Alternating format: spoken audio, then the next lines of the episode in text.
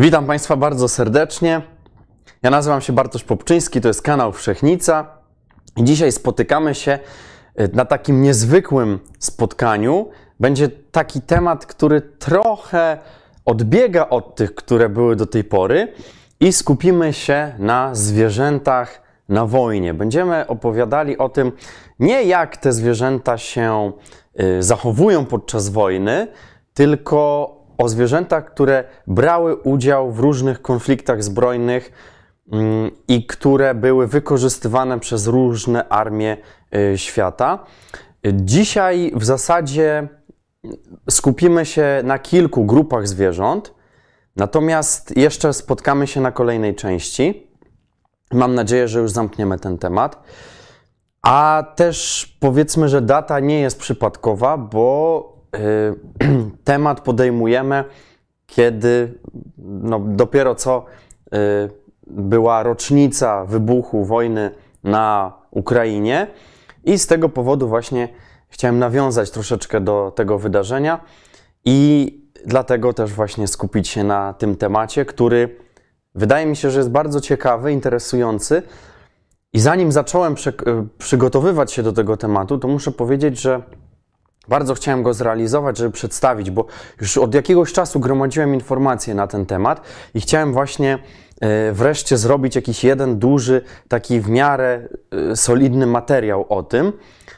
Ale jak już się przygotowywałem merytorycznie, bezpośrednio do, do prezentacji, przygotowa przygotowywałem tą prezentację, to muszę powiedzieć, że trochę zmieniłem nastawienie do tego tematu, bo o ile wcześniej wydawał mi się bardzo taki fascynujący, to teraz wydaje mi się, że jest w nim dużo jednak mm, takich y, smutnych odczuć, y, takich y, smutnych emocji.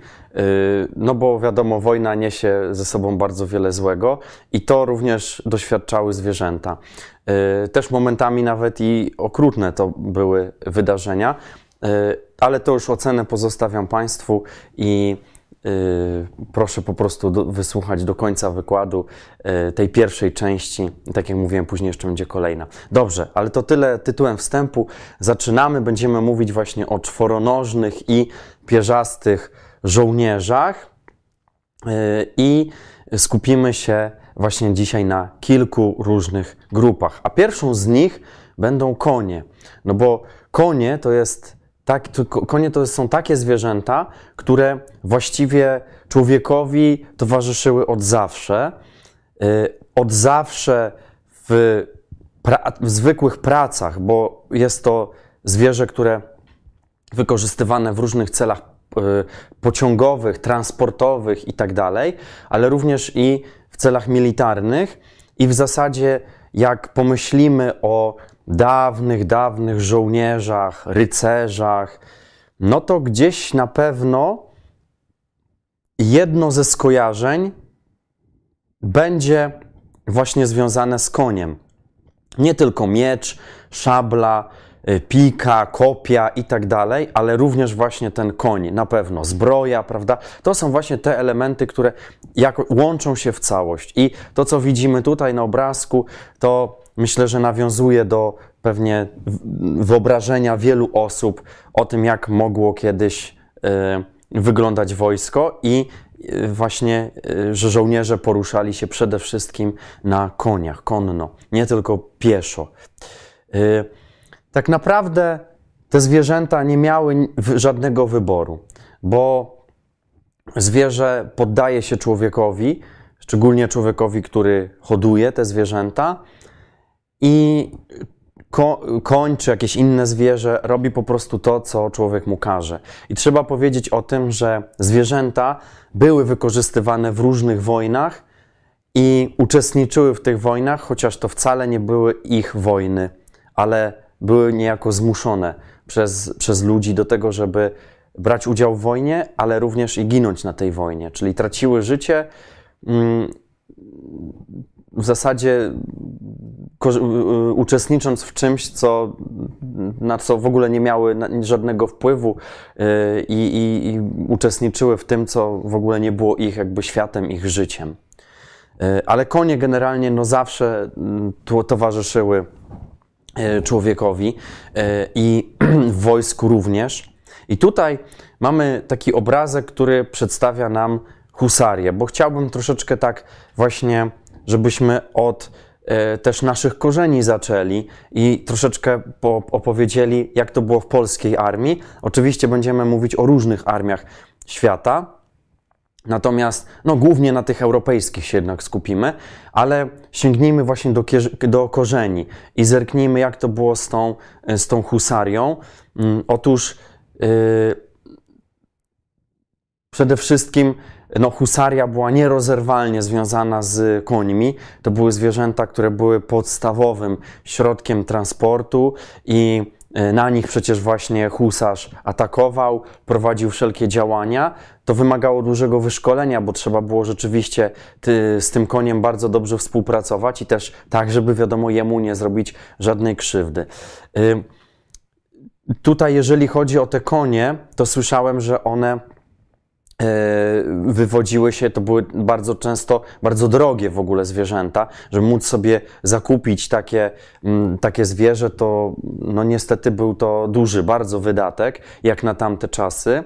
E, w związku z tym, no to też pokazuje, że husaria to była ta taka mm, naj, najznakomitsza część armii, bardzo, zresztą do dzisiaj jest taką chlubą naszą narodową. I w zasadzie no, myślę, że nie, nie, nie jest niedopuszczalne tak yy, przez społeczeństwo, żeby powiedzieć dzisiaj coś złego na husarię. Już obrosła w też wiele mitów i legend i rzeczywiście no, yy, bycie husarzem yy, powodowało, że trzeba było nabyć tego konia, który był bardzo drogi. Trzeba było też o niego dbać, a często też trzeba było posiadać nawet i dwa konie, żeby właśnie mieć tego yy, konia zastępczego. Y, te konie musiały być też dobrze wyszkolone. Y, one nie mogły się bać na przykład wystrzałów, trzeba było je do tego przyzwyczajać. One były, musiały mieć też dobrą kondycję, musiały przecież y, nosić na swoim grzbiecie żołnierzy, którzy waży, ważyli nieraz ponad 100 kg z całym uzbrojeniem. Mało tego, musiały to być konie, które y, prowadziły na przykład pościg za nieprzyjacielem.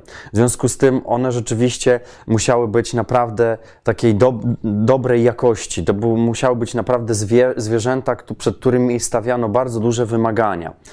Y, I w ogóle husaria, trzeba powiedzieć, że odegrała naprawdę istotną rolę i husaria była wojskiem, tak jak powiedziałem wcześniej, taką naszą chlubą narodową. Oczywiście obrosło tutaj, obrosła w bardzo wiele różnych mitów, e, nieprawdziwych rzeczy. No, przede wszystkim, no, jak to było z tymi piórami. Te pióra się bardzo mocno kojarzą właśnie z husarią. Tymczasem takim podstawowym wyposażeniem e, husarzy i czymś, z czym powinniśmy e, kojarzyć husarzy, nie powinny być właśnie te pióra, ale kopie.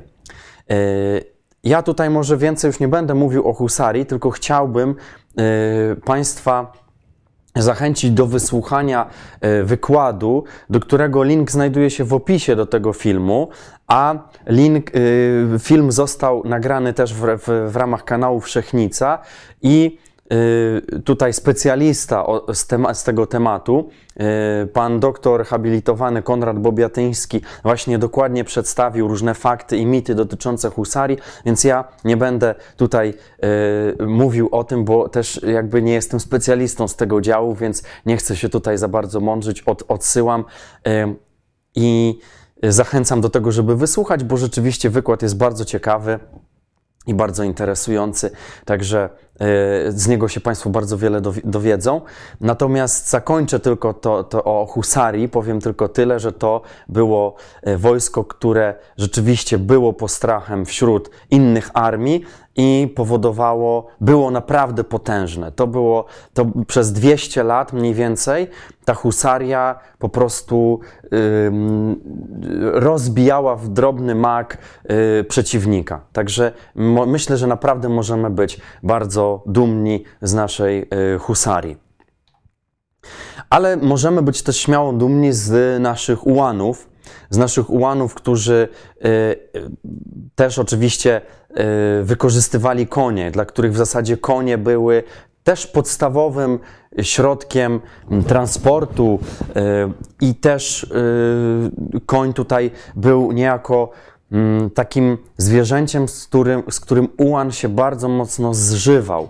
Wywiązywała się między ułanem a koniem bardzo taka szczególna, taka wręcz bym powiedział osobista nawet relacja i w, u nas w wojsku y, rzeczywiście sporo tych formacji korzystało z koni, bo przecież tutaj, tak jak na zdjęciu są widoczni ułani 7 Pułku Lubelskiego, y, to y, poza ułanami przecież też i szwoleżerowie, również y, strzelcy konni czy kanonierzy, to się mówi o DAK-u, czyli Dywizjonu Artylerii Konnej, również korzystali właśnie z tych koni.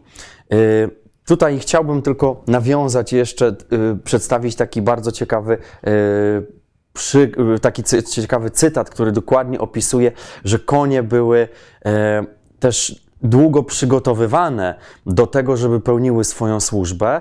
E, pozyskanie w ogóle konia było bardzo trudnym zadaniem, szczególnie w II Rzeczypospolitej i za taką taki czas potrzebny do wyszkolenia konia uznaje się 3 lata. Wtedy 3 lata koń był w ogóle szkolony, żeby był zdolny do służby. I tutaj jeszcze taki bardzo ciekawy cytat, na który się natknąłem przygotowując wykład.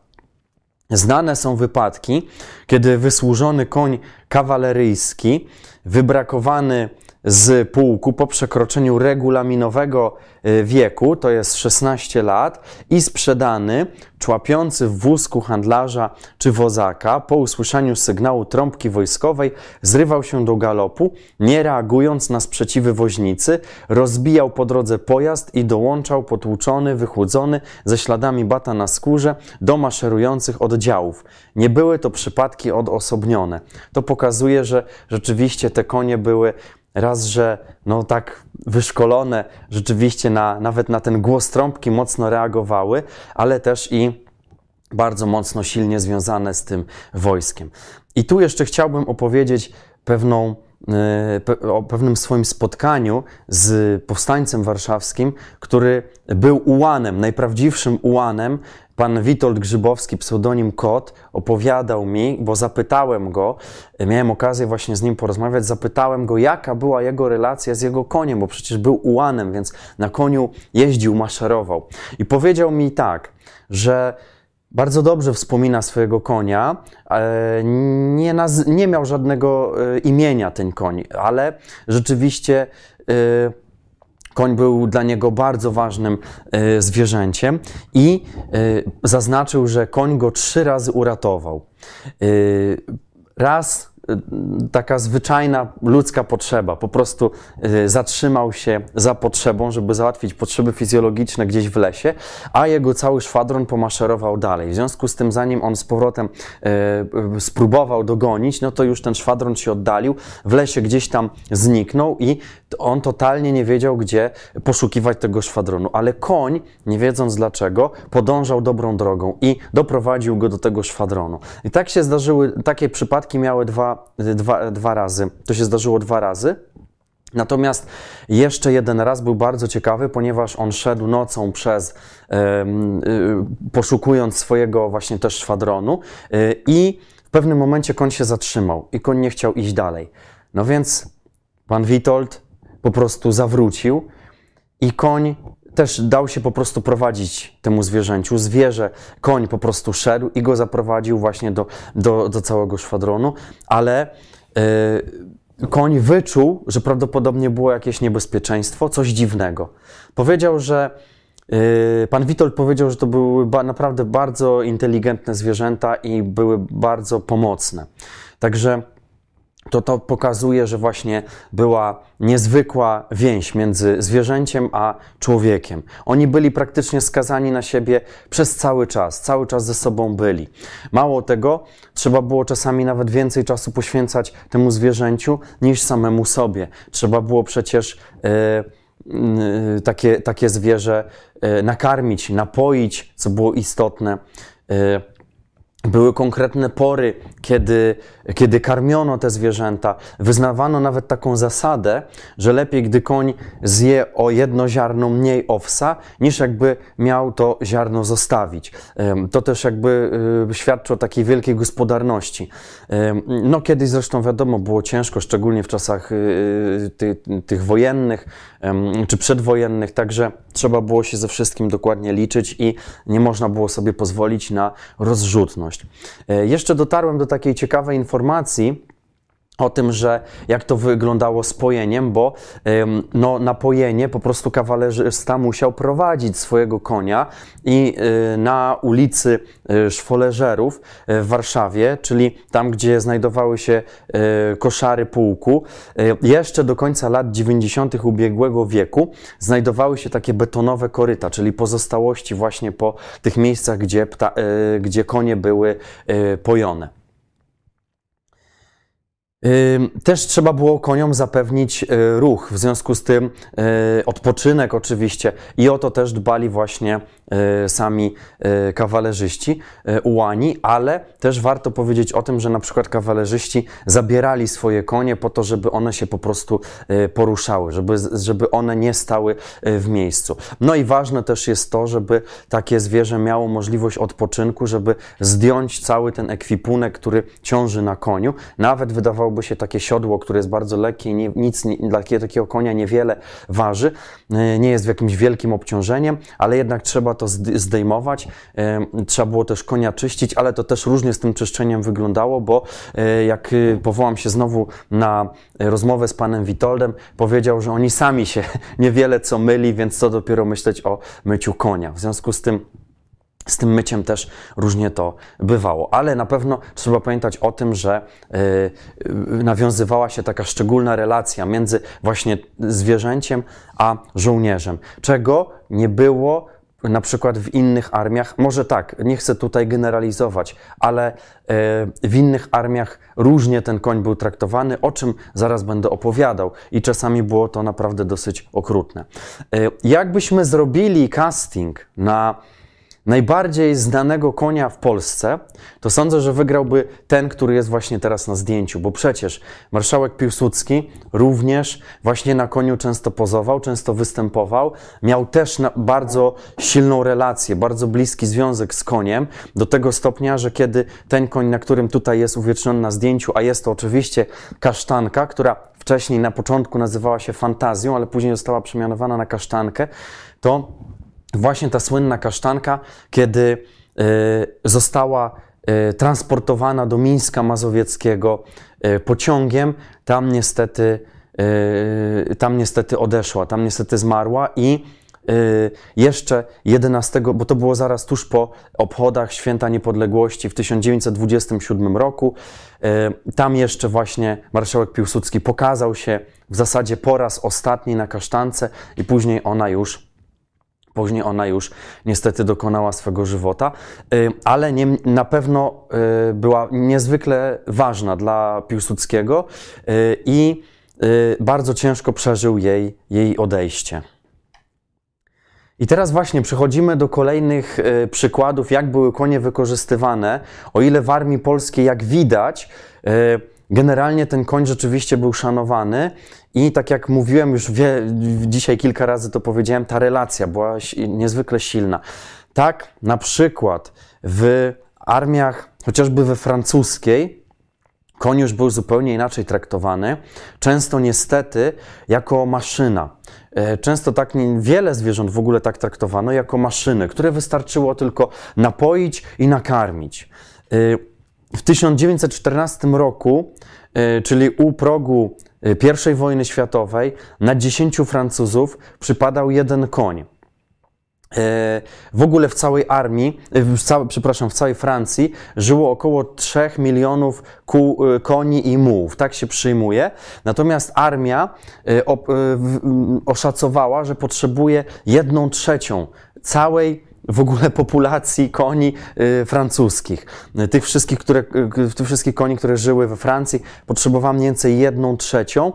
No i nie udało się, tego się nie udało nigdy osiągnąć. Zmobilizowano najwięcej 700 tysięcy tych koni i one totalnie nie były przygotowane do wojennych warunków. To trzeba podkreślić. Tak jak mówiłem, w Polsce na przykład było tak, że koń był 3 lata szkolony. To było 3 lata mozolnego szkolenia tego konia, żeby on się nie bał pocisków, żeby on był posłuszny i tak dalej, i tak.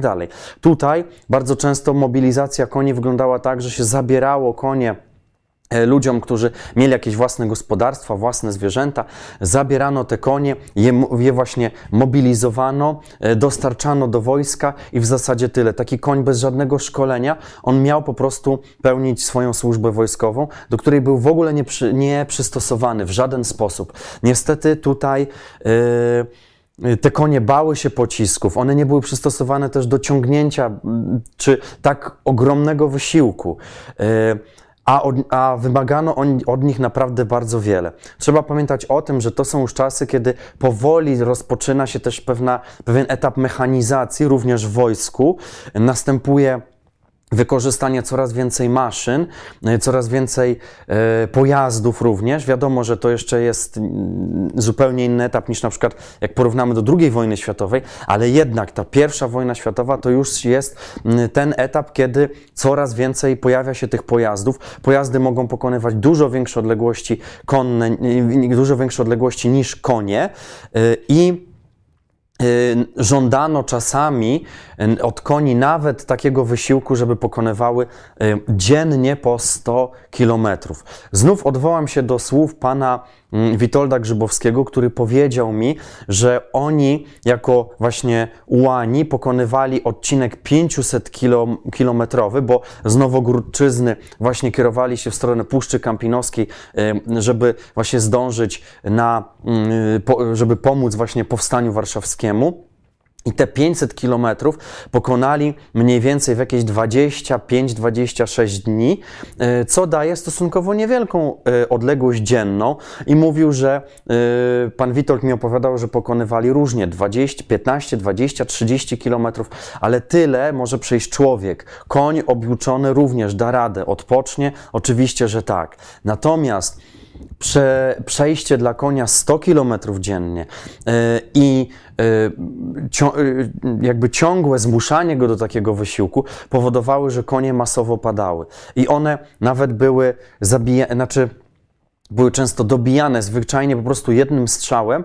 Natomiast są takie fotografie, na których widać drogę i na poboczu drogi po prostu leżą martwe konie, które po prostu nie ginęły od strzałów, nie ginęły od ran, tylko ginęły po prostu z wycieńczenia, bo nie dawały rady.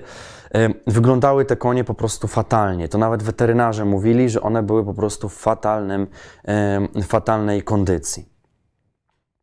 E, też trzeba przyznać, że e, no, wojsko wykorzystywało konie e, nie tylko tak jak tu widzimy na zdjęciu, to są wojska francuskie w drodze do Verdun. O jeszcze Verdun dzisiaj będę opowiadał. No to znana z historii bardzo taka dramatyczna, dramatyczny epizod, bardzo takie zacięte walki.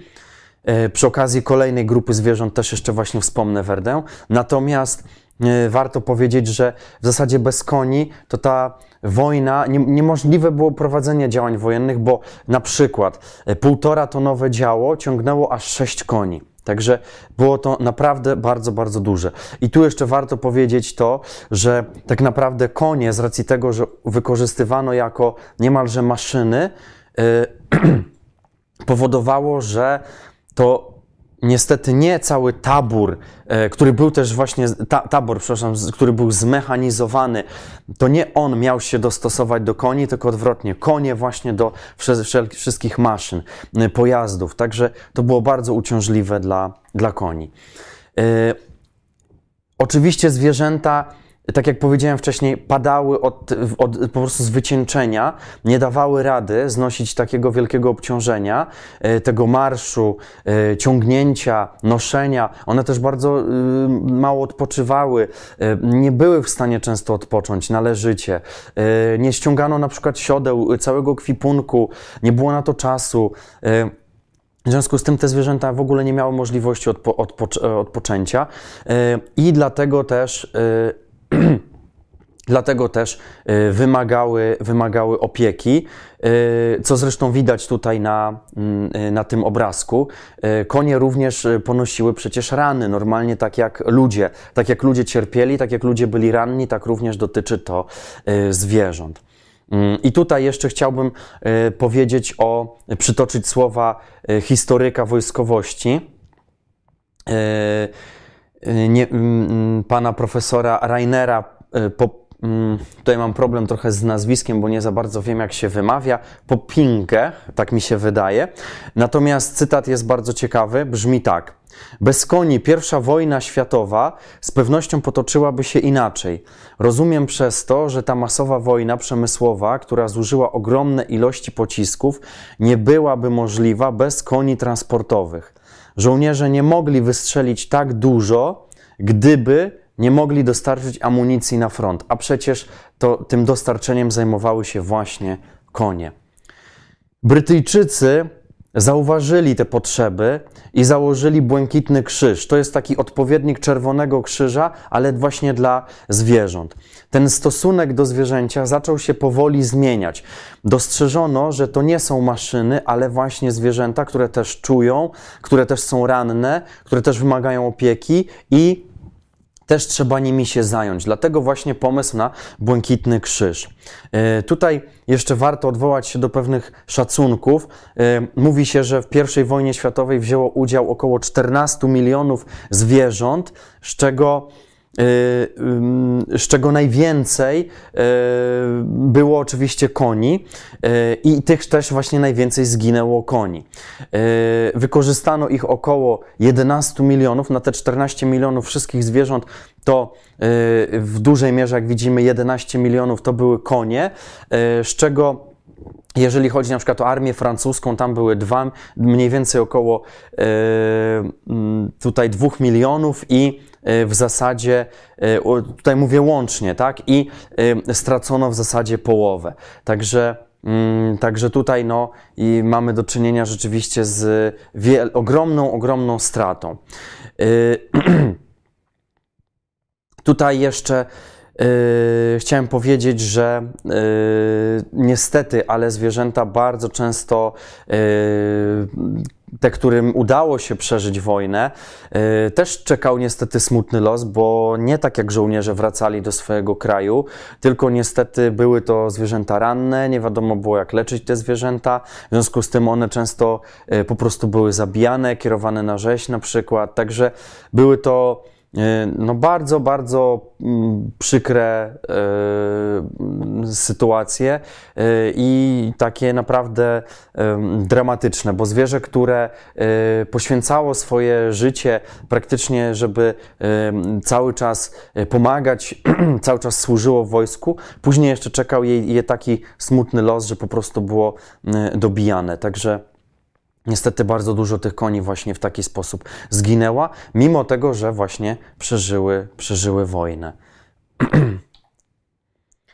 Y, pytanie teraz nasuwa się takie: czy II wojna światowa y, przyniosła zmiany w wykorzystaniu zwierząt? Mimo tego, że ta mechanizacja postępowała, jak wiemy, bardzo dużo, y, okazuje się, że bardzo dużo zwierząt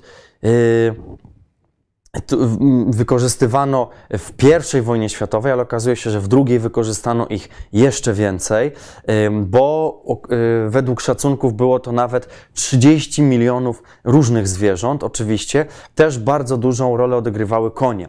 Warto wspomnieć, że mm, jeżeli popatrzymy sobie na różne filmy, y, które się zachowały z II wojny światowej, widzimy tam bardzo dużo czołgów, różnego rodzaju pojazdów. Mm, już ta wojna w naszej świadomości funkcjonuje jako ta zmechanizowana wojna. A tymczasem, oczywiście, pierwsza, pierwsza linia frontu to jasne, że tak, to były te najnowocześniejsze sprzęty, ale ta druga linia frontu, ten, te, w tym drugim szeregu, te tabory całe były właśnie transportowane, spoczywały, można by powiedzieć, na barkach właśnie koni. E, I tak było w zasadzie e, w większości armii. Niemcy, chociaż przecież uchodzą za tych, którzy posiadali setki tysięcy pojazdów mechanicznych, tak naprawdę cały transport zawdzięczają właśnie koniom. Tutaj taką ciekawostkę podam, że Hitler nawet był do tego stopnia. Mm, już nie będę oceniał, ale y, po prostu y, chciał, y, dążył nie tylko do tego, żeby uzyskać czystość rasową u ludzi, ale również wśród koni. I Łącznie y, wykorzystali oni ponad 2 miliony koni w trakcie wojny, z czego tutaj warto zaznaczyć, że wojska lądowe III Rzeszy aż w 80%, mimo tej wielkiej mechanizacji, opierały swoją logistykę właśnie cały czas na zwierzętach. No wiadomo, przede wszystkim chodzi tutaj o konie. O konie. Y, jeżeli chodzi o y, taką mobilizację koni, to warto wspomnieć o tym, że do armii niemieckiej wcielano konie, które miały, one musiały mieć więcej niż 4 lata, musiały być wyższe niż 135 cm, nie mogły być kulawe, nie mogły być też, mm, mogły być tro, mm, mm, mogły mieć jakieś wady wzroku, ale nie mogły być ślepe i nie mogły też cierpieć na poważne choroby. E, I tutaj właśnie też takie bardzo ciekawe zdjęcie, które pokazuje, że e, w wojnach mm, też dbano o zwierzęta żeby e, nie zatruły się wszelkimi gazami, związkami chemicznymi, dlatego też tworzono dla zwierząt maski przeciwgazowe i tu mamy właśnie przykład, e, kiedy to dwa konie mają taką maskę przeciwgazową. Oczywiście to nie jest tak, że na całą głowę była zakładana ta maska, tylko przede wszystkim tutaj na chrapy. Natomiast no, widać, że u ludzi e, była oczywiście wiadomo, to, to znamy, na, na całą głowę i jeszcze były inne zwierzęta, które, dla których były tworzone maski przeciwgazowe, ale to będzie na, w, druże, dru, drugiej części naszego e, wykładu, jak się spotkamy za jakiś czas. E, tu chciałbym też się odnieść do tego, że wiele osób śmieje się trochę z naszej armii, że przecież my tam mieliśmy ułanów, a Niemcy to i, i ci ułani nasi atakowali y, y, wojska niemieckie, czołgi, prawda, na koniach. Y, ja nie chcę tutaj tego oceniać i nie chcę tutaj wchodzić w ten temat. Ja tylko powiem, że Niemcy też w bardzo dużym stopniu opierali swoje wojsko właśnie na koniach. Nie tylko w Polsce konie odgrywały bardzo ważną rolę, ale również i u y, Niemców tak samo było.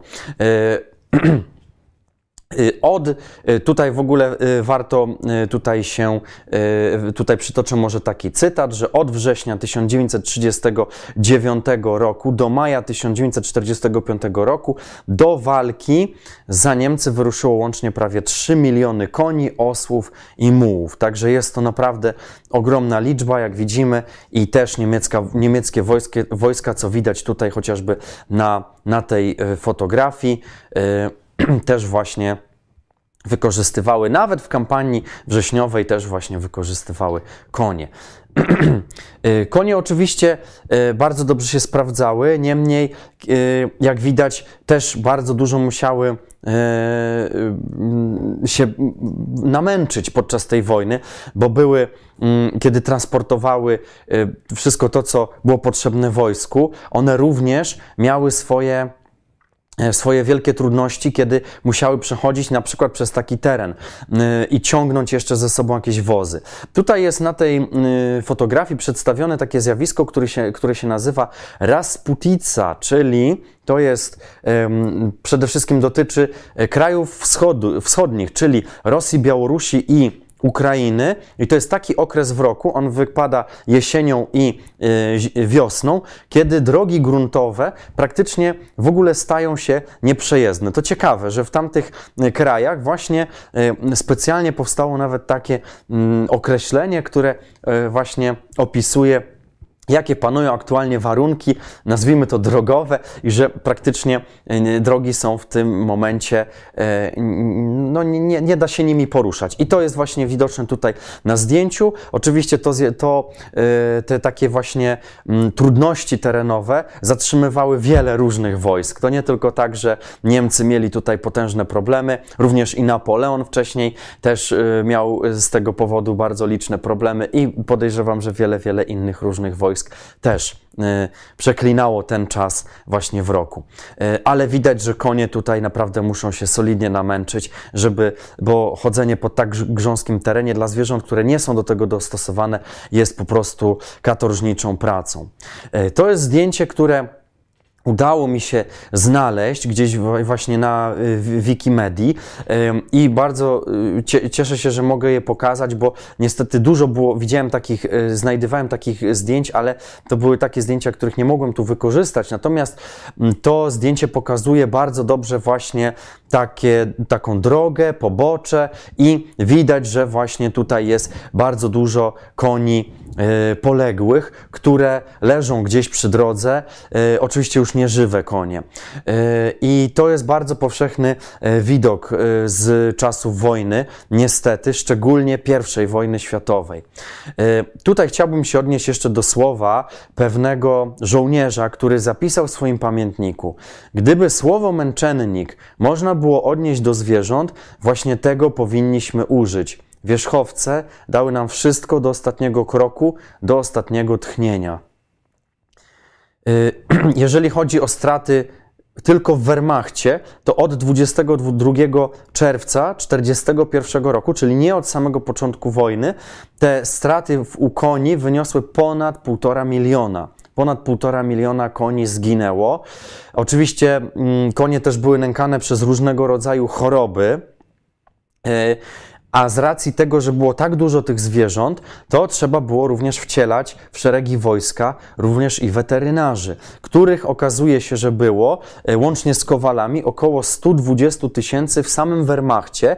I co ciekawe, nie tylko konie cierpiały, ale okazuje się, że również i e, bardzo duże straty odnotowano e, wśród na przykład weterynarzy, bo statystyka pokazuje, że co szósty weterynarz wracał z wojny do, do, do Niemiec. A teraz y, przejdziemy do kolejnej grupy zwierząt. Oczywiście o koniach można byłoby dużo więcej powiedzieć. Ja tylko chciałem tutaj jakby naświetlić pewien problem, y, pewien y, ważny temat dotyczący właśnie wykorzystania koni, bo mówię, koń to jest takie no, zwierzę, które w wojskowości jest od zawsze i w zasadzie do dzisiaj konie są wykorzystywane już może nie w takich celach militarnych, tak nie pełnią może już tak istotnej roli jak kiedyś. Dzisiaj na przykład bardzo ważna rola to jest taka rola reprezentacyjna, prawda? Mm, te konie właśnie na różnych paradach występują i to jest bardzo, bardzo pięknie to wygląda. Więc takie konie oczywiście służą, mm, już nie bezpośrednio gdzieś na froncie. Ale no, o ile konie wydają nam się takim oczywistym zwierzęciem, to o tyle słonie, a szczególnie w naszym kraju, to już jest zwierzę bardzo egzotyczne y, i y, może niezbyt często łączymy te słonie z wojną. A okazuje się, że mm, jak najbardziej na wojnie również słonie występowały, kiedyś były bardzo często wykorzystywane. No teraz to chyba już nie, przynajmniej ja nie wiem, żeby gdzieś słonie były wykorzystywane w, w jakiejkolwiek wojnie, ale Warto właśnie powiedzieć, że e, w czasach starożytnych jak najbardziej, oczywiście, tu chyba ze słoniami najbardziej się kojarzy Hannibal. No i właśnie mamy na przykład w bitwie pod Zamą, tam właśnie słonie pełniły bardzo ważną rolę. To było takie decydujące starcie, które kończyło II wojnę punicką. E, starcie między Rzymianami a Kartaginą i tam właśnie słonie odegrały dosyć istotną rolę, e, chociaż jak się okazuje, no nie pomogły Kartagińczykom wygrać, natomiast natomiast y, y, one, y, tam w ogóle mówi się o tym, że taka, takim ważnym elementem tej bitwy była wręcz szarża słoni kartagińskich. Widzimy, że te słonie są przygotowane do bitwy solidnie. Przede wszystkim takim najważniejszym wyposażeniem to była ta wieża. No wieża była świetnym miejscem dla łuczników, dawała bardzo dobre widzenie na całe pole bitwy. Można było rzeczywiście razić żołnierzy wroga z tych słoni. Natomiast, e, natomiast no, słonie też niestety miały pewną wadę. Ja o tej wadzie za chwileczkę powiem, ale tylko chciałbym skończyć tutaj temat właśnie tej, tego starcia i no, Rzymianie wygrali. Ostatecznie Rzymianie wygrali. Tutaj Kartagina poniosła porażkę, ponieważ no, słonie się tutaj nie sprawdziły, ponie, no, tutaj udało się spłoszyć te, te wojska i a właściwie zwierzę, wojska, właściwie to zwierzęta, e, a, które niosły na swoich grzbietach dużą część właśnie żołnierzy, e, ponieważ e, tutaj Rzymianin Scypion rozkazał wojskom hałasować, tak żeby właśnie spłoszyć zwierzęta. Te zwierzęta się spłoszyły i niestety nie wyrządziły wielkiej krzywdy Rzymianom i z, jak przewidywał Scypion, one po prostu wbiegły biegną między, między Rzymian, nie robiąc im żadnej krzywdy, po prostu rozstąpią się szyki i tam wbiegną te zwierzęta i tak właśnie się stało. E, później z kolei te zwierzęta też wbiegły w ogóle w Kartagińczyków i po prostu oni ponieśli też straty. E, I tutaj właśnie dochodzimy do ważnego momentu, kiedy to no, słoń jest naprawdę bardzo dobrym, e, dobrym zwierzęciem do, do zatrzymywania piechoty ponieważ yy, no, łucznicy atakowali yy, z, z, góry, wszystko dobrze widzieli. Yy, słoń poza tym jest gigantycznym zwierzęciem, ma ogromną siłę, w związku z tym mógł przełamywać yy, linię wroga, mógł tratować, taranować. Yy, był też odpornym zwierzęciem, także rzeczywiście no, ciężko było tutaj stawić czoło takiemu zwierzęciu, ale oczywiście no, tutaj na przykład Juliusz Cezar miał taki sposób na, na słonie, że rozkazał nawet legionistom, żeby, żeby E, atakowali bezpośrednio nogi słonia i też dlatego właśnie legion, e, który, który właśnie się wsławił w, w, trakcie, w trakcie bitwy, kiedy właśnie atakowano te nogi słonia, e, przejął właśnie wizerunek tego zwierzęcia, stał się niejako symbolem, tak? Tu widzimy ten legion piąty, widać, że stał się symbolem, symbolem tych, tych żołnierzy. No ale niestety słonie miały dużą wadę przy tych wszystkich zaletach, miały taką wadę, że niestety łatwo popadały w panikę. E, I, takie zwierzęta, które wpadły w panikę, e, to no, ta, ta, ta panika słoni bardzo skutecznie hamowała wolę walki wszelkich jednostek wojskowych, również na przykład samych Rzymian, którzy uchodzą za żołnierzy bardzo takich zdyscyplinowanych, ale mimo wszystko to, to jakoś powodowało, powodowało, że, że ci, ci żołnierze po prostu jakoś odstępowali. E, I od walki. I e, no niestety, to była taka wada słoni, że one w momencie, kiedy wpadły w tą panikę, e, co właśnie wrogie wojska zawsze wiedziały o tym i starały się właśnie to wykorzystać, żeby zwierzę wpadło w panikę, bo wtedy tratuje nawet swoje, swoich żołnierzy, a o to chodziło właśnie wrogowi. Yy, trzeba było po prostu słonia atakować w takie czułe punkty, na przykład właśnie w trąbę. Yy, co tutaj zresztą widzimy yy, na, na, na, na fotografii, tu jest taki element wyposażenia słonia. Y, to jest oczywiście nie na trąbę się zakłada, tylko na ciosy, po to, żeby była większa siła rażenia, ale ta trąba była właśnie tym punktem takim bardzo newralgicznym i trzeba było właśnie słonia y, atakować trąbę, żeby te czułe miejsca, po prostu, żeby on wpadł w panikę. Jak słoń wpadł w panikę, po prostu leciał na oślep y, i tyle. Z drugiej strony trzeba powiedzieć, że słoń, martwy słoń, też powodował bardzo dużą taką przeszkodę, nazwijmy to terenową dla wojsk. Także to też to też było dosyć istotne w trakcie prowadzenia wojen właśnie e, z wykorzystaniem słoni. No i to tyle o słoniach. Oczywiście wiadomo, też moglibyśmy dużo więcej powiedzieć, ale yy, zawsze o każdym zwierzęciu możemy coś więcej powiedzieć. I ja po prostu mam też ograniczony czas, więc przechodzimy do kolejnych zwierząt. Będą to muły.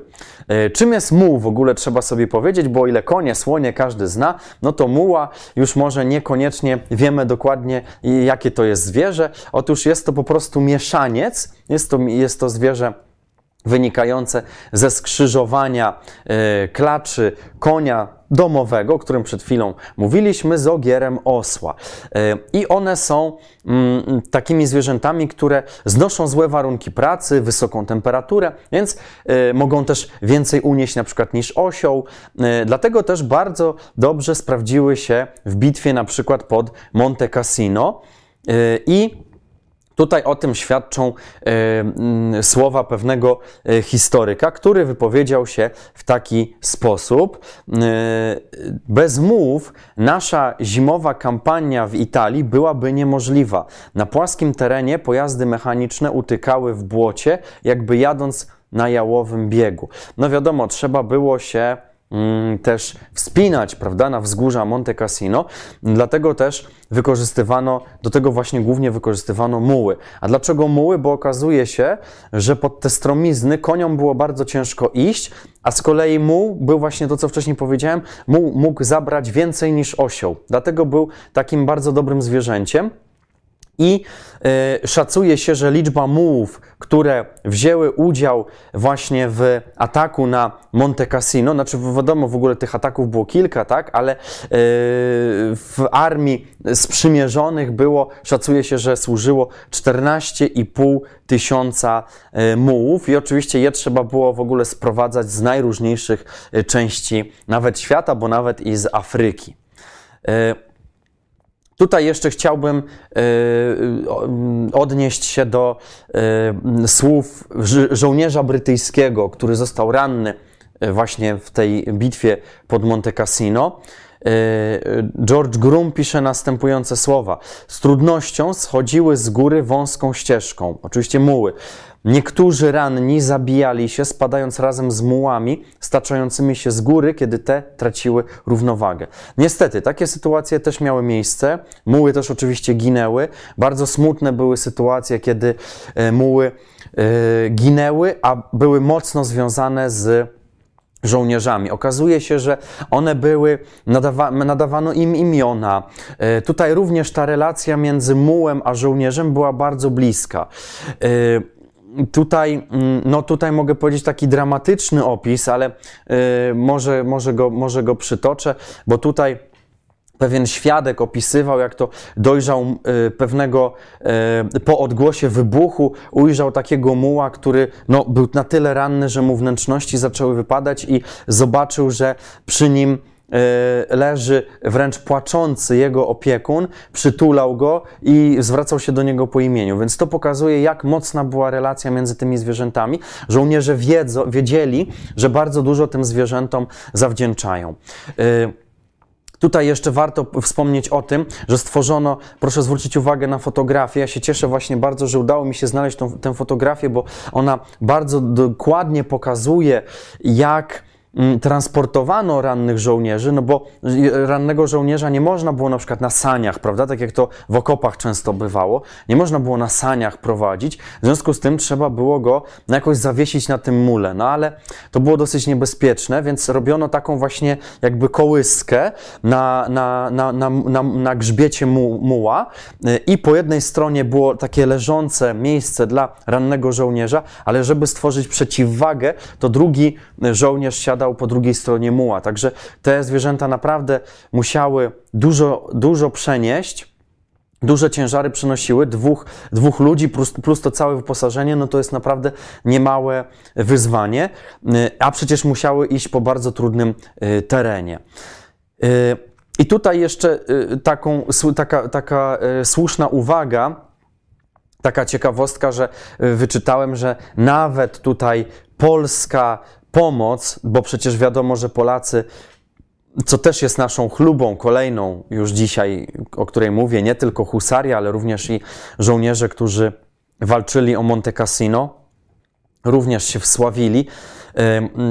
To, I trzeba powiedzieć to wprost i, do, i wyraźnie, że to właśnie dzięki naszym żołnierzom zdobycie Monte Cassino stało się możliwe. Ale warto też jeszcze podkreślić w kontekście naszego wykładu, że również ofiara polskiego żołnierza y, by nie wystarczyła, gdyby nie pomoc mułów. I muły tutaj naprawdę przenosiły ogromne ilości y, materiału, y, pozwalały transportować wszystko to, ta, tam, gdzie mm, żołnierze nie dawali rady i nie mógł podjechać żaden pojazd.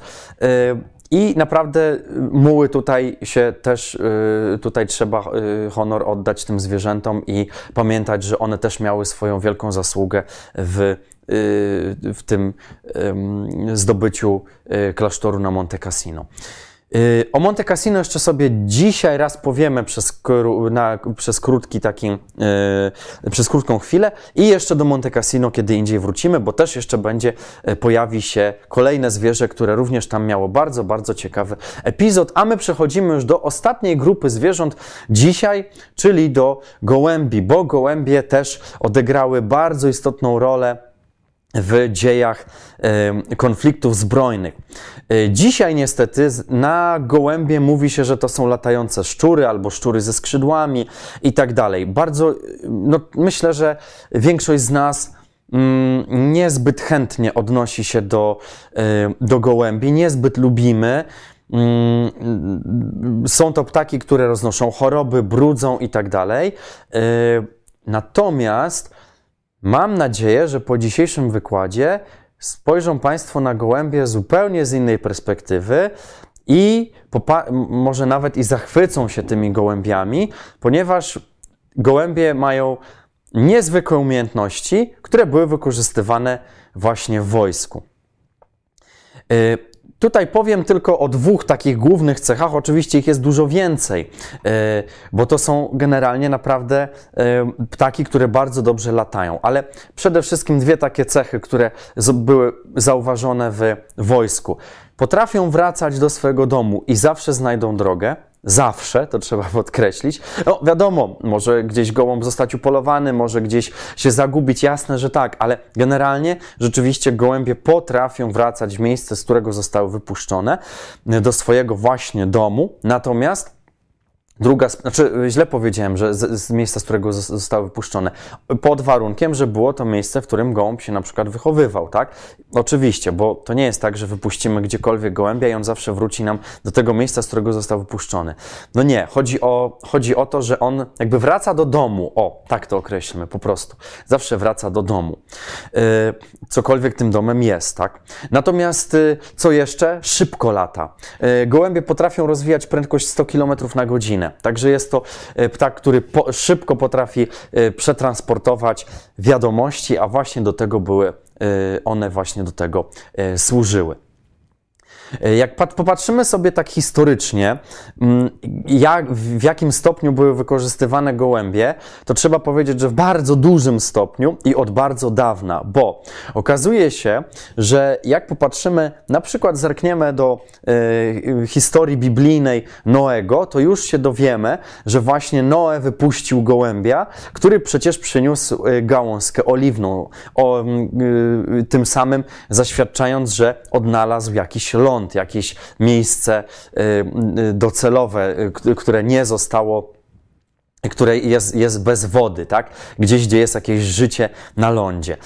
Chingis Khan okazuje się, że też już wykorzystywał gołębie i wysyłał za pomocą gołębi wiadomości przez morze. Juliusz Cezar, który już dzisiaj był wspomniany przy okazji słoni, również mm, wykorzystywał gołębie, informując o swoich podbojach. E, Grecy i Egipcjanie, czyli w starożytności widzimy, że były gołębie już wykorzystywane. Ale tutaj taka ciekawostka, że klęska wiadomość o klęsce Napoleona pod, e, pod Waterloo e, również dotarła na nodze gołębia. To też taka ciekawostka.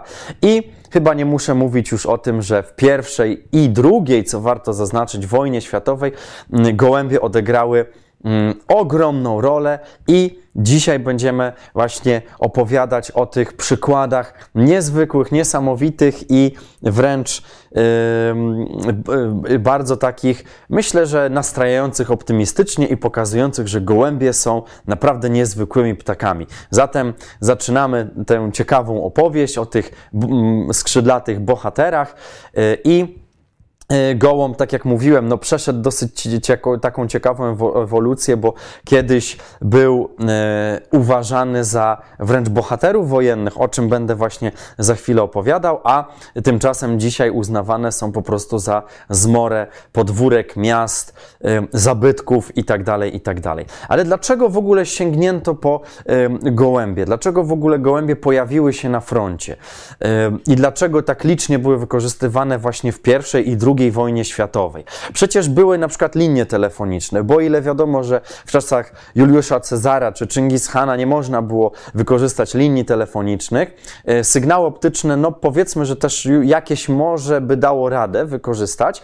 E, o tyle w I wojnie światowej było tak najbardziej możliwe. Telefony, sygnały świetlne, oczywiście, że tak, ale to te rozwiązania mają swoje wady. Linie telefoniczne można przeciąć i wtedy już się stają totalnie bezużyteczne. Zaś sygnały optyczne w czasach wojny, kiedy było już dużo dymu, kiedy było dużo wybuchów, e, pyłu, to niestety sygnały optyczne były niewidoczne. No i teraz powstaje pytanie, komunikacja między wojskiem musi być, jak to zrobić, żeby się skutecznie komunikować. I okazuje się, że na ratunek przychodzą właśnie gołębie. I gołębie towarzyszyły ludziom praktycznie we wszystkich chyba armiach świata, y, to znaczy mówię tutaj, jeżeli chodzi o pierwszą wojnę światową, to rzeczywiście wykorzystywali żołnierze bardzo chętnie te gołębie, pełniły ogromną rolę, nawet do tego stopnia, że były specjalne budowane samochody, w których właśnie gołębie były przewożone i transportowane na front. To były takie właśnie samochody gołębniki, jak tutaj widzimy na tej fotografii. Y, ale nie tylko samochody y, były gołębnikami, bo oczywiście przy twierdzach różnego rodzaju były również mm, specjalne, były budowane budynki, które były takimi gołębnikami, takimi całymi wręcz stacjami, które, y, które, w których były przetrzymywane y, gołębie i w razie potrzeby je wysyłano właśnie z cennymi wiadomościami. Tutaj przykładem jest już teraz na terenach polskich, bo wtedy to, była, to były Prusy, y, ale dzisiaj twierdza Bojen w Giżycku, która właśnie odegrała podczas I wojny światowej ważną rolę. Właśnie ta twierdza, y, z niej wysyłano w odległe części kraju różne informacje. Był to oczywiście no, w te miejsca, gdzie y, właśnie mm, y, Prusy miały swoje terytoria, czyli Szczecin, Wrocław. Tam właśnie kierowano różnego rodzaju wiadomości z twierdzy Bojen, gdzie właśnie znajdowały się, znajdowały się różnego różnego rodzaju gołębniki i gołębie trzymano. E, jednym z najciekawszych przykładów, kiedy e, gołąb został wykorzystany e, i była to była to bardzo dramatyczna walka i, i dramaty w zasadzie do samego końca. I gołąb tutaj rzeczywiście wypełnił swoją misję. Co prawda zginął, ale wypełnił swoją misję ale niestety jego ofiara, można by powiedzieć, poszła na marne, ponieważ no, nie przyniosła pożądanych skutków, nie, nie doszło do tego, czego mm, życzyli sobie żołnierze, którzy gołębia wypuścili.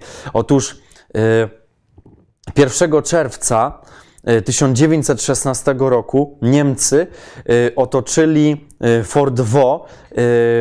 To był właśnie jeden z fortów, który otaczał miasto Verdun. Powiedziałem, że dzisiaj wspomnę jeszcze o Verdun, zatem właśnie teraz ten moment nastał i Francuzi, którzy się dzielnie bronili, no nie za bardzo wiedzieli, y, jak mają się, y, jak mają dać znać, żeby, żeby przysłano posiłki. W związku z tym Kapitan yy, yy, też znalazłem jeszcze w innych, bo tutaj właśnie to warto powiedzieć, w, w, innych źródłach znalazłem, że major, także nie wiem dokładnie jaką yy, miał, sto, jaki miał dokładnie stopień ten, ten żołnierz. W każdym razie major bądź kapitan e, Renal, e, dowodzący właśnie fortem, e, wysłał jednego gołębia, i no niestety tutaj posiłki nie nadeszły i został mu już ostatni gołąb. E, gołąb nawet zyskał e, miano śmiałego, voyant po francusku, tak był nazywany. I ten gołąb był już ostatnią nadzieją, e, która miała przynieść wyzwolenie tym żołnierzom, jakieś wsparcie, posiłki. Oczywiście wiadomość została przyczepiona do nóżki gołębia, gołąb został wysłany. Gołąb oczywiście y, po, zaraz po wylocie wrócił do fortu, ponieważ zwyczajnie bał się. Bał się, że zginie. Y, poza tym było dosyć ciemne niebo, y, nie mógł się zorientować, gdzie lecieć. I, i w tych wszystkich oparach, w tym całym, w tym całym zamieszaniu, zawierusze tej wojennej, on się po prostu zwyczajnie przestraszył, wrócił. Ale podjęta została próba ponownego jego wysłania i tym razem gołąb doleciał. Niestety zakończył swoje życie z racji silnego zatrucia gazami bojowymi, ale wiadomość dostarczył.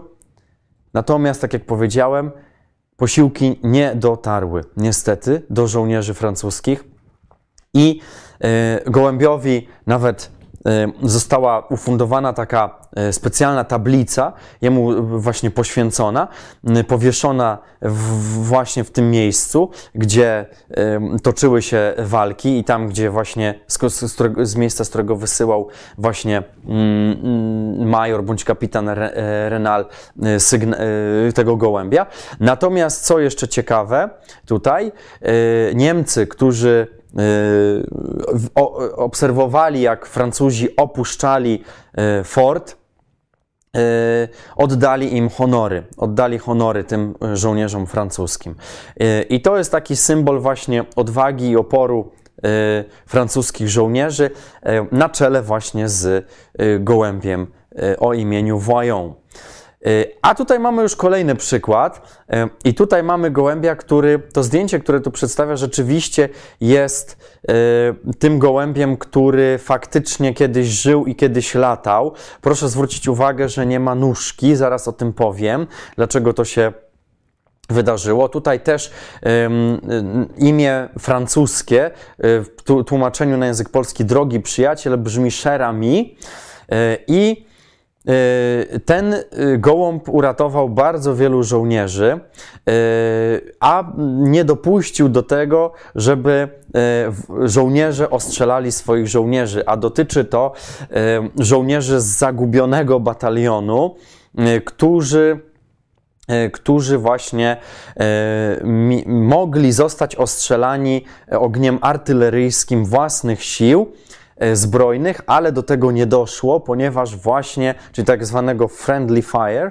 ale do tego nie doszło, ponieważ właśnie żołnierze wysłali gołębia o imieniu Sherami po to, żeby e, mm, żeby, go, żeby poinformował, aby wstrzymać atak i żeby nie ostrzeliwać artyl, e, właśnie pociskami artyleryjskimi tego miejsca, w którym znajdują się którym znajdują się żołnierze. I mm, okazuje się, że gołąb w ogóle dotarł bardzo szybko do gołębnika, bo zajęło mu to 30 minut, e, a lot e, to była odległość mniej więcej jakaś, jakieś 40 km, także niewiele, odległość nieduża, ale jakże dramatyczna. Ten ptak podczas tego lotu utracił w jednym oku w ogóle wzrok, mm, został ranny w pierś e, oraz skrzydło, natomiast wiadomość wisiała dosłownie na nóżce, ta nóżka praktycznie się oderwała, wisiała tylko na jednym ścięgnie. I do tego, właśnie do tej nóżki, która już prawie była oderwana od reszty ciała, była przytroczona wiadomość. E, oczywiście gołąb e,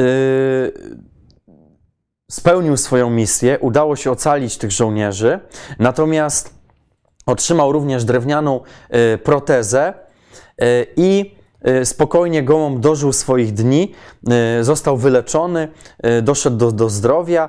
No i kiedy już zakończył swój żywot, to został ten, ten gołąb spreparowany, przekazany do National Museum of American History i jest dzisiaj taką częścią wystawy, to co widzimy tutaj, to jest właśnie ten gołąb, który jest częścią wystawy Price of Freedom Americans at War. Tak to się nazywa dokładnie. I kolejny przykład, bardzo ciekawy, gołą, gołębica, w zasadzie nie gołąb, a gołębica tutaj odegrała istotną rolę o, naz- o imieniu Winki. I co zrobiła Winki?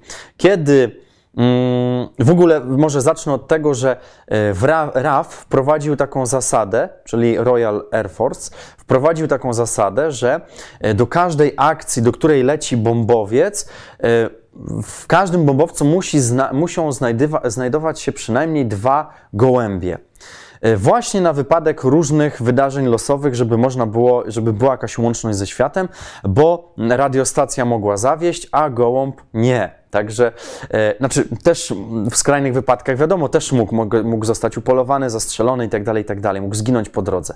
Ale pokładano w nim wielkie nadzieje. I kiedy doszło do katastrofy samolotu e, Bristol Beaufort, który rozbił się na Morzu Północnym, e, Załoga, radiooperator zdążył tylko wysłać sygnał SOS ale nie można było dokładnie zlokalizować tej załogi. Załoga oczywiście przeżyła, ale no, musiała znowu walczyć o życie, żeby przetrwać w ogóle na morzu y, i musiała czekać na jakieś, jakiekolwiek wsparcie. Wysłano gołębicę o imieniu Winki, która doleciała do gołębnika yy, oddalonego o 200 kilometrów. Była w bardzo słabej kondycji, w bardzo złym stanie, umazana ropą, smarem yy, i innymi yy, zabrudzeniami, bardzo była zmęczona, ale udało się dokładnie uratować, dokład, po, po prostu rozbitkowie podali dokładne miejsce, w którym się znajdowali i w związku z tym udało się rozbitków ocalić. Gołębica została odznaczona takim specjalnym odznaczeniem, y, które nosi nazwę Dikin i my o tym sobie powiemy już na, następnej, na następnym wykładzie, bo gołębie były bardzo często właśnie tym medalem y, honorowane. Y, a tu kolejny gołąb o imieniu bardzo ciekawym G.I. Joe. I G.I. Joe odegrał bardzo ważną rolę pomógł uratować około y, tysiąc, tysiąc żołnierzy. Ponieważ lotnictwo amerykańskie miało bombardować taką małą miejscowość na południu Włoch, Calviveccia, o ile dobrze mówię. Tutaj niestety dzisiaj jest dużo różnych nazw w językach obcych i nie zawsze mogę dobrze mówić, ale mam nadzieję, że to dobrze wypowiedziałem. W każdym razie mała miejscowość na południu Włoch, która miała być bombardowana przez Amerykanów, e, ale e, bardzo szybko została zajęta przez Brytyjczyków. W związku z tym doszłoby znowu do ataku e, wojsk na własne wojska. No, generalnie sprzymierzonych, prawda? Amerykanie, Brytyjczycy, czyli Amerykanie zbombardowaliby Brytyjczyków, krótko mówiąc.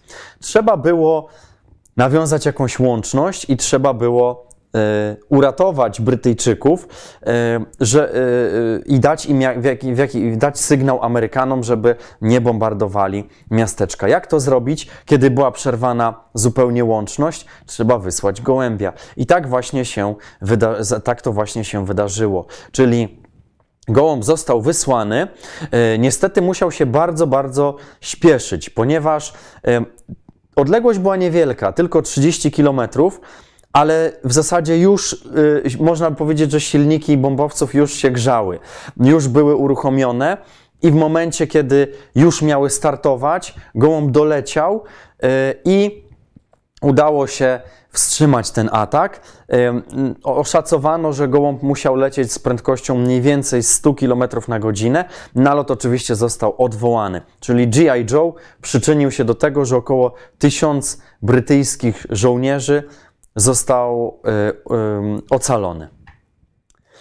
Oczywiście, jak były gołębie, to y, różne wojska stosowały też i tych, y, którzy mogą zapolować na gołębia, czyli tutaj najlepszym przykładem jest mm, sokół wędrowny. Sokoły wędrowne fantastycznie polują na gołębie.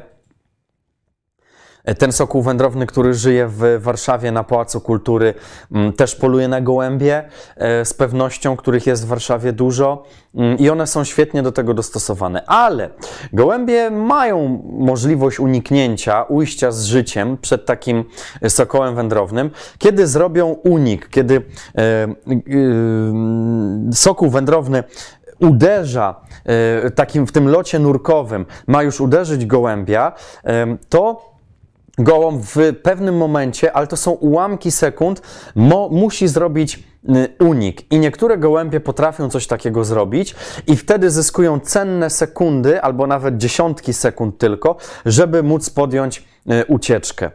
Y, I jednym z takich gołębi była Mary of Exeter i ona właśnie potrafiła bardzo dobrze y, reagować na takie, y, na takie ataki sokoła wędrownego. I kiedy Niemcy właśnie wypuszczali te sokoły wędrowne, to y, Mary of Exeter potrafiła właśnie idealnie idealnie uciekać. I Mówiło się nawet, że ona zawsze po prostu potrafi wrócić do bazy, zawsze wraca, nawet jak ranna, ale zawsze e, wróci. To był taki właśnie niezwykły gołąb.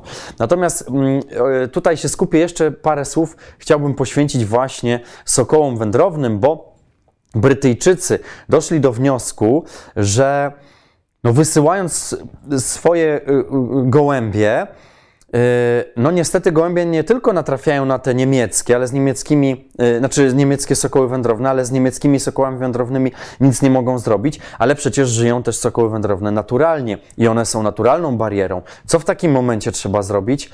No i tutaj niestety Brytyjczycy wpadli na taki pomysł, że po prostu trzeba pozabijać wszystkie te sokoły, które żyją naturalnie, i tym samym dali drogę swoim gołębiom do tego, żeby, żeby y, spokojnie przelatywały, ale jednocześnie nie, y, nie, nie mieli właśnie swojej jakby takiej naturalnej bariery ochronnej. I y, pozbawiając się sokołów, stracili możliwość właśnie, że ich sokoły będą atakowały na przykład gołębie niemieckie, wypuszczane właśnie przez niemieckie wojska.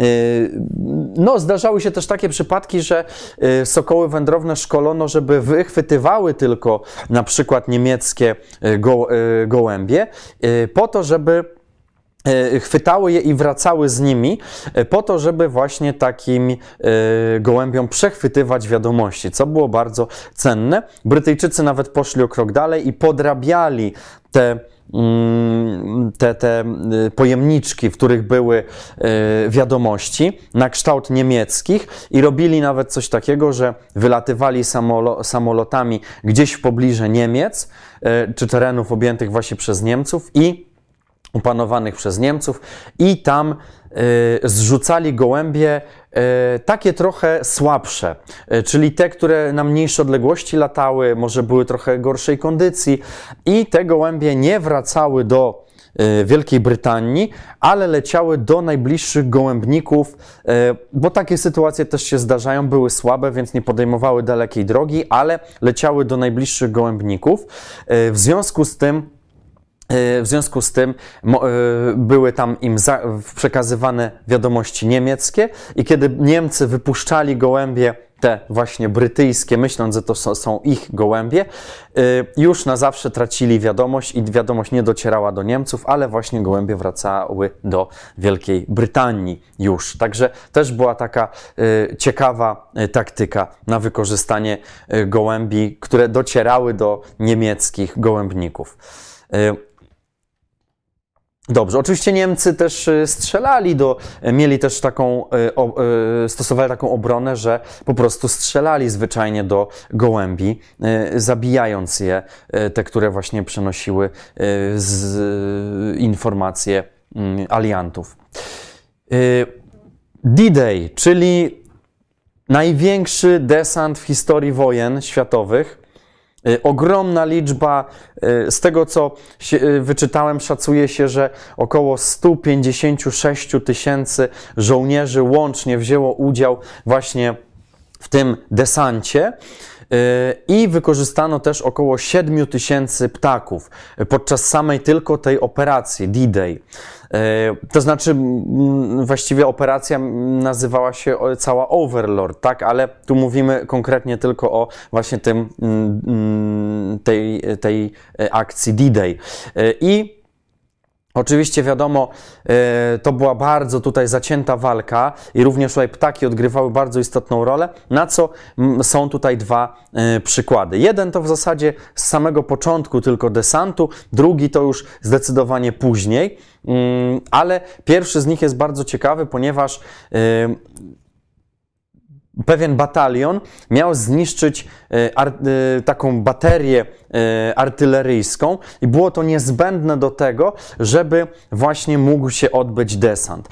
Tylko niestety, jak wiadomo, wszystko docierało drogą powietrzną i niestety sprzęt, który e, łączności radiowej wylądował w zupełnie inne miejsce niż ten batalion, który został powołany do zniszczenia tej baterii artyleryjskiej i dlatego, mm, dlatego też no, byli pozbawieni wszelkiej łączności. A ta łączność była o tyle istotna, że po wybrzeżu e, pływał pancernik Aretuza i w momencie, kiedy to też świadczy o tym, że te baterie były bardzo ważne, żeby je zniszczyć, bo w momencie, kiedy nie udałoby się temu batalionowi zniszczyć tej ba baterii artyleryjskiej, to pancernik miał ostrzelać, żeby zniszczyć te działa, tak żeby desant mógł dojść do skutku. E, I mm, co się wydarzyło? No, batalion rzeczywiście opanował, zniszczył te baterie, natomiast trzeba było powiadomić pancernik, bo znowu by doszło do ostrzelania własnych wojsk. Dlatego też wysłany został książę Normandii, czyli Gołąb. Gołąb właśnie został wysłany i udało się ocalić tych e, żołnierzy, którzy opanowali baterie, zniszczyli, e, ale właśnie nie zostali też ostrzelani przez e, własny pancernik. Kolejny przykład z kolei spod Arnem, czyli też zawiodła tutaj łączność radiowa, jak to zwykle bywało w tamtych czasach.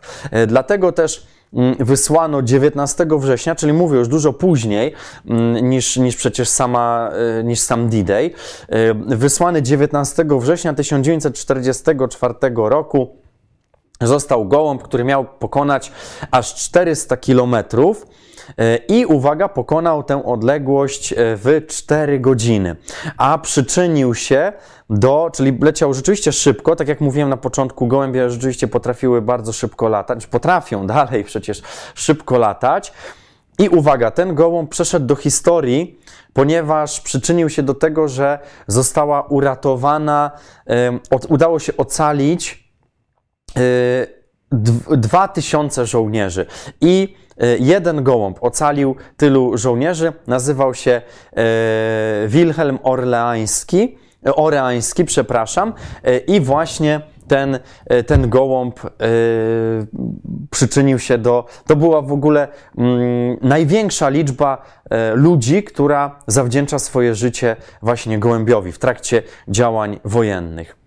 A tutaj z kolei powiedziałem, że wrócimy jeszcze do Monte Cassino i przy okazji wcześniej mówiliśmy o mułach, a tutaj mamy przykład jeszcze z y, y, y, z gołębiami, bo dochodziło też czasami do śmiesznych sytuacji. Jedną z takich śmiesznych sytuacji, jedna z tych śmiesznych sytuacji miała miejsce właśnie pod Monte Cassino, kiedy to kiedy to wysłana została informacja przez amerykańskich żołnierzy, gołębica się nazywała Lucia di e, Lammermoor e, i ta właśnie mm, gołębica e, powróciła do aliantów z bardzo ciekawą wiadomością, czyli gdzieś po drodze została schwytana zapewne przez Niemców i kiedy Mm, e, kiedy e, Amerykanie od, odpakowali ten, ten pojemniczek i e, i wysłali, i odczytali, co było napisane. Sądzę, że no może się uśmiali, może byli też wściekli, ale yy, przeczytali: Zwracamy wam gołębia, mamy co jeść. Niemieccy żołnierze.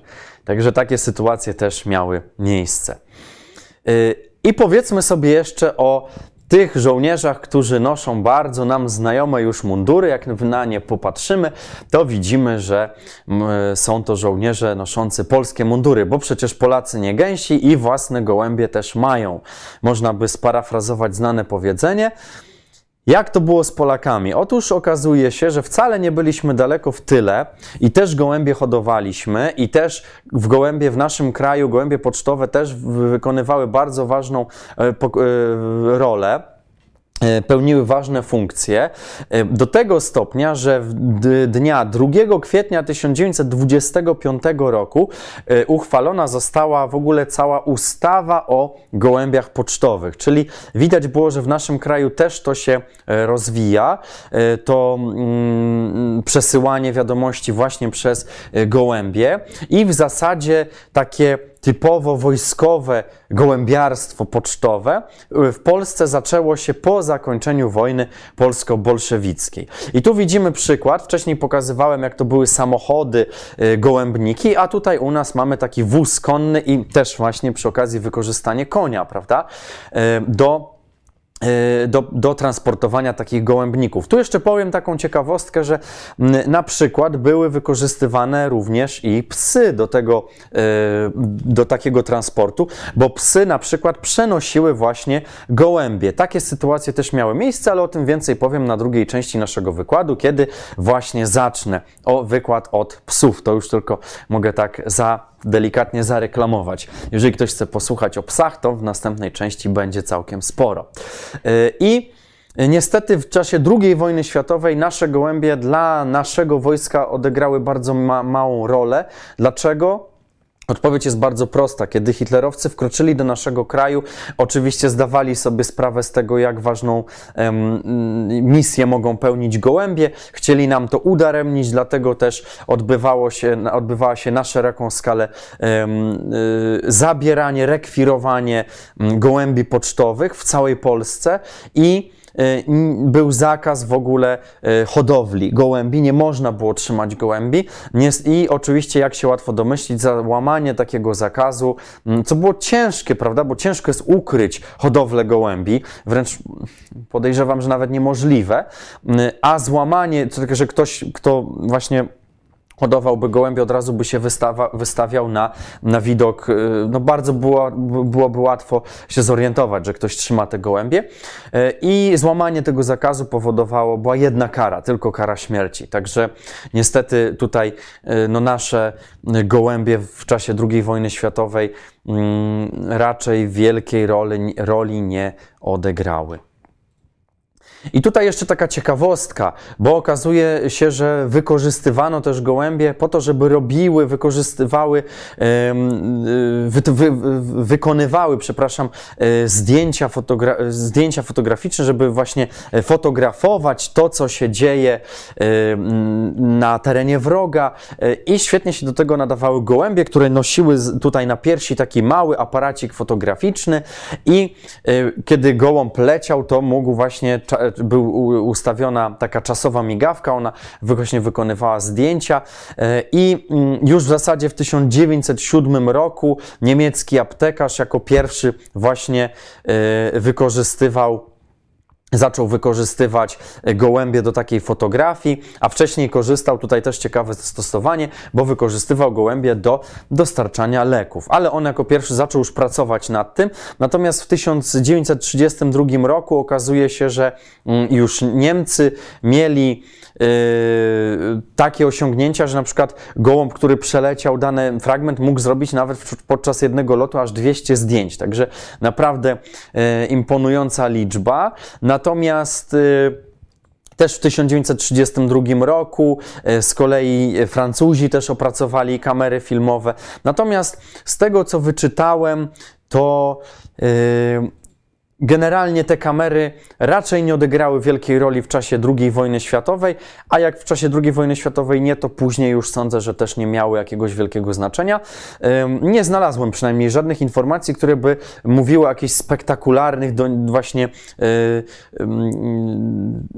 doniesieniach odnośnie właśnie pracy gołębi, żeby gołębie się przyczyniły do tego, żeby jakieś znaczące, e, bardzo ważne z, punktu, z militarnego punktu widzenia e, obiekty były sfotografowane, mm, ale ale na pewno jest to jako ciekawostka, dlatego też właśnie tutaj to e, pokazuję. I ostatni slajd, który już nie związany jest z wojną, a e, taki miły, sympatyczny obrazek, kiedy to dziewczynka bardzo tutaj zajęta gołębiami, mm, pewnie je dokarmia, z, taka pewnie jest też domyślam się bardzo zachwycona tymi ptakami, może właśnie z bardzo bliska z nimi tutaj przebywać y, i myślę, że y, jest to taki obrazek, którym kończymy nasz wykład, a jednocześnie chciałbym Państwa zachęcić do tego, żeby właśnie inaczej już patrzeć na gołębie. Ja muszę powiedzieć, że y, w momencie, kiedy zacząłem zgłębiać wiedzę, tą, którą dzisiaj tu Państwu przedstawiłem, zacząłem dowiadywać się, odszukiwać te wszystkie historie, zupełnie inaczej patrzę na gołębie. Nie to, że wcześniej jakoś ich nie szanowałem, ale wiadomo, no, to był taki ptak, który bardzo jest pospolity wszędzie i nam po prostu spowszedniał. A mam nadzieję, że teraz podczas spaceru, na przykład na jakąś starówkę, gdzieś jakieś stare miasto i tak dalej, i tak dalej, e, gdzie, jest mnóstwo gołębi, e, już inaczej będziemy na nie patrzeć, z pewnym też szacunkiem, taką powagą i mam nadzieję, że ten wykład się w jakimś stopniu, chociaż niewielkim, do tego przyczynił. Bardzo serdecznie dziękuję. To by było na tyle. Tak jak mówię, to jest jeszcze tylko część naszego wykładu, bo kolejna, e, druga część poświęcona również innym zwierzętom i również e, myślę, że taki temat bardzo zajmujący, ciekawy. E, także zachęcam do tego, żeby kolejną część wysłuchać. Będzie o wielu różnych zwierzętach, pewnie troszeczkę więcej niż, niż dzisiaj. E, I mam tego świadomość też, że e, nie powiedziałem bardzo wielu również istotnych rzeczy. E, natomiast no, musiałem tutaj wybrać to, co było takie mm, najważniejsze. W związku z tym tu jest właśnie tak w pigułce podane to, jak te zwierzęta były w różnych konfliktach zbrojnych wykorzystywane. A teraz jeszcze tylko zerknę na czat co tam, tu, co Państwo y, napisali.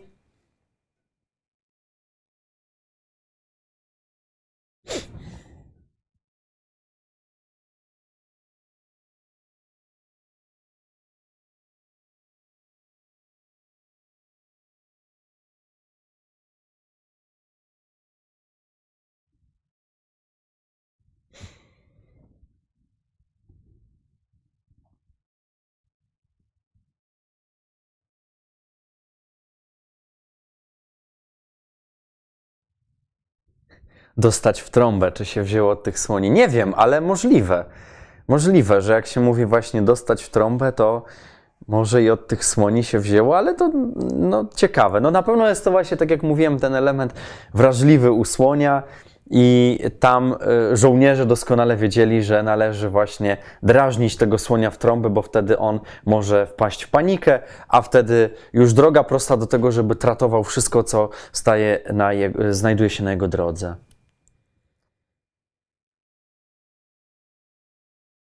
A, faktycznie, szczury. To, to, ja o tym nawet nie pomyślałem.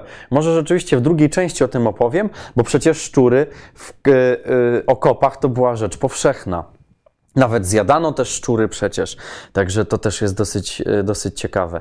Myślę, że tym, co napisał Majki Majki, możemy podsumować z pewnością cały nasz wykład, czyli każda wojna to porażka człowieka. Tak jest, a w tym wypadku widzimy, że również i często niestety y, porażka również i, czy porażka, niezasłużona śmierć również wielu, wielu zwierząt.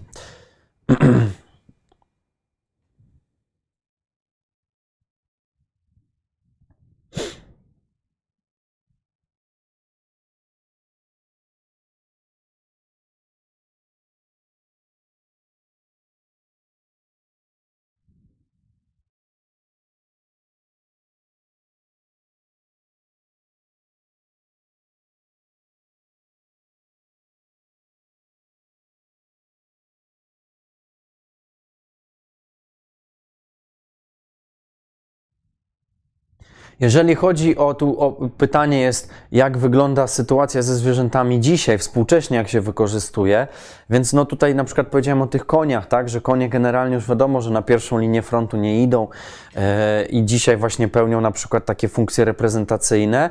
Natomiast oczywiście są, jasne, że tak, bo Francuzi dalej na przykład hodują gołębie i to cały czas funkcjonuje, ale nie pełni już takiej roli.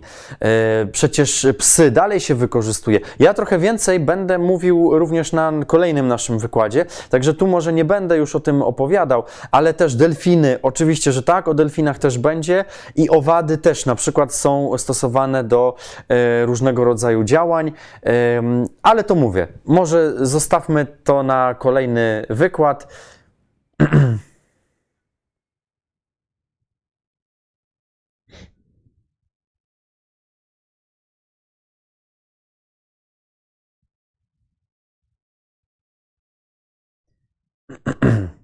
Tak, delfiny y, jako saperzy. Rzeczywiście były takie, ale to mówię, o delfinach będzie później, także to na razie zostawimy.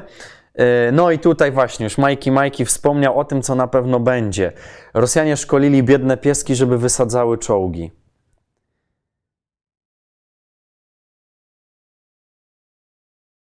No tak, ale pieski wracały i sami wiecie, jak ta myśl rosyjska się dla piesków i Rosjan kończyła. Dokładnie tak było. Ja temat oczywiście rozwinę i powiem więcej e, na kolejnym naszym wykładzie. Dobrze, to tyle. To dobrnęliśmy do końca e, tutaj e, tego czatu. Bardzo serdecznie wszystkim dziękuję. Zakładałem, że się zmieścimy w półtorej godziny. Idealnie. 18.30 wybiła. Bardzo serdecznie wszystkim dziękuję i zapraszam na kolejną część, która już niebawem. Do widzenia.